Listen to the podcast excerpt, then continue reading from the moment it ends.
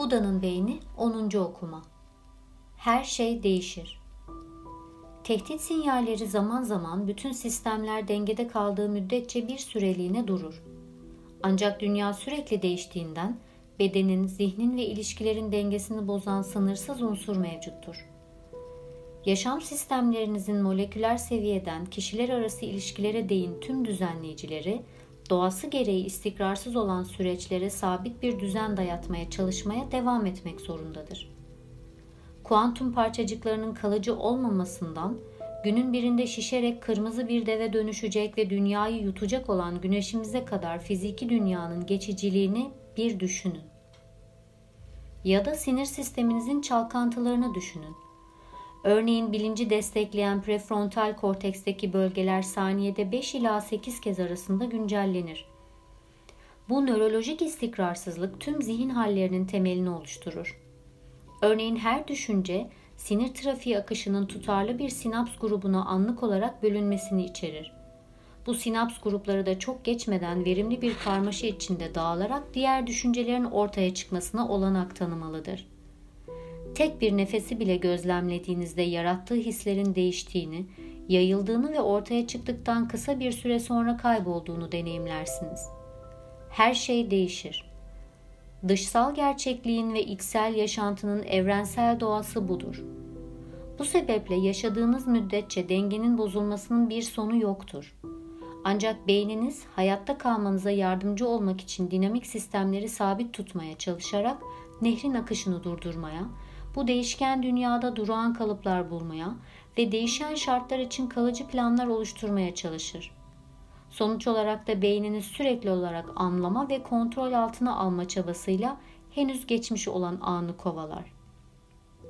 Bu bir şelalenin kenarında yaşamak gibidir. Her bir an ki şimdi daima ve yalnızca şelalenin ağzındayken deneyimlenir. Bize doğru hızla akar, sonra da hızla uçurumdan aşağı akıp gider. Ancak beyin az önce akıp gidene sonsuza dek tutunur.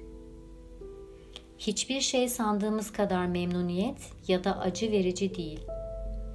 Hayvan atalarımız genlerini aktarmak için her gün pek çok kez bir şeye yaklaşmak mı yoksa ondan kaçmak mı gerektiğine doğru karar vermek zorundaydı. Günümüzde insanlar fiziki nesnelerin yanı sıra zihinsel hallere de yaklaşmaya ya da onlardan kaçınmaya çalışıyor. Örneğin kendimize değer vermek isterken utanç hissinden uzaklaşırız. Tüm sofistikeliğine rağmen insan bir şeye yaklaşır ya da ondan kaçınırken muz arayan bir maymun ya da kayanın altına saklanmak isteyen bir kertenkeleyle hemen hemen aynı sinirsel devrelerden faydalanır. Deneyimin duygu tonu Bir şeye yaklaşmanız ya da ondan uzaklaşmanıza beyniniz nasıl karar veriyor? Diyelim ki ormanda yürüyorsunuz bir dönemeci aldığınız sırada tam karşınıza şak diye yuvarlak şekilli bir şey çıkıverdi. Karmaşık bir süreci sadeleştirmek adına saniyenin ilk onda birlik kısmında anlamlı bir şekil oluşturma süreci için bu yuvarlak objeden yansıyan ışık oksipital kortekse gönderilir. Bunun ardından oksipital korteks bu şeklin temsilini iki yöne iletir bunun olası bir tehdit mi yoksa fırsat mı olduğunu değerlendirmek üzere hipokampüs ile daha kapsamlı ve zaman alan bir analiz için prefrontal kortekse ve beynin diğer kısımlarına. Hipokampüsünüz her ihtimale karşı bu imgeyi önce harekete geç sonra düşün mesajını tetikleyen tehlikeleri içeren kısa listeyle karşılaştırır tehlike listesindeki amigdalanıza yüksek öncelikli dikkat sinyalini göndermesini gerektiren yuvarlak şekilleri bulur. Bir alarm gibi çalışan amigdala da bunun üzerine hem beyninize genel bir uyarı hem de savaş ya da kaç tepkisini veren sinirsel ve hormonal sistemlerinize hızlı, özel bir sinyal iletir. Savaş ya da kaç kademelerinin detaylarını bir sonraki bölümde keşfedeceğiz. Burada anlatılmak istenen neredeyse o yuvarlak şekli gördüğünüz saniyede korkarak geriye doğru sıçramanızdır. Bu sırada etkili ancak kısmen yavaş olan prefrontal korteks de bu belanın bir yılan mı yoksa bir sopa mı olup olmadığını anlamak üzere uzun süreli bellekten bilgi çekmektedir. Birkaç saniye daha geçtiğinde Prefrontal korteks objenin durağan yapısını ve önünüzden yürüyen birkaç kişinin de hiçbir şey demeden onun yanından geçip gittiğini fark eder ve bunun bir sopa olduğu sonucuna varırsınız. Bu süreç boyunca deneyimlediğiniz her şey keyifli, keyifsiz veya nötrtü. Yolda ilerlerken gördükleriniz nötr veya keyifliydi. Ardından olası bir yılan tehdidi keyfinizi kaçırarak bir korku yarattı.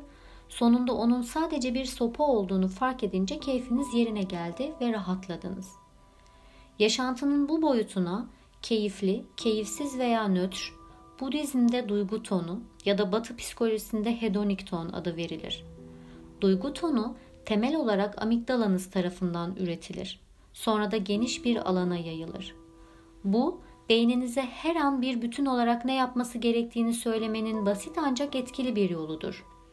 Keyifli ödüllere yaklaş, keyifsiz cezalardan kaç ve geri kalan her durumda yola devam et.''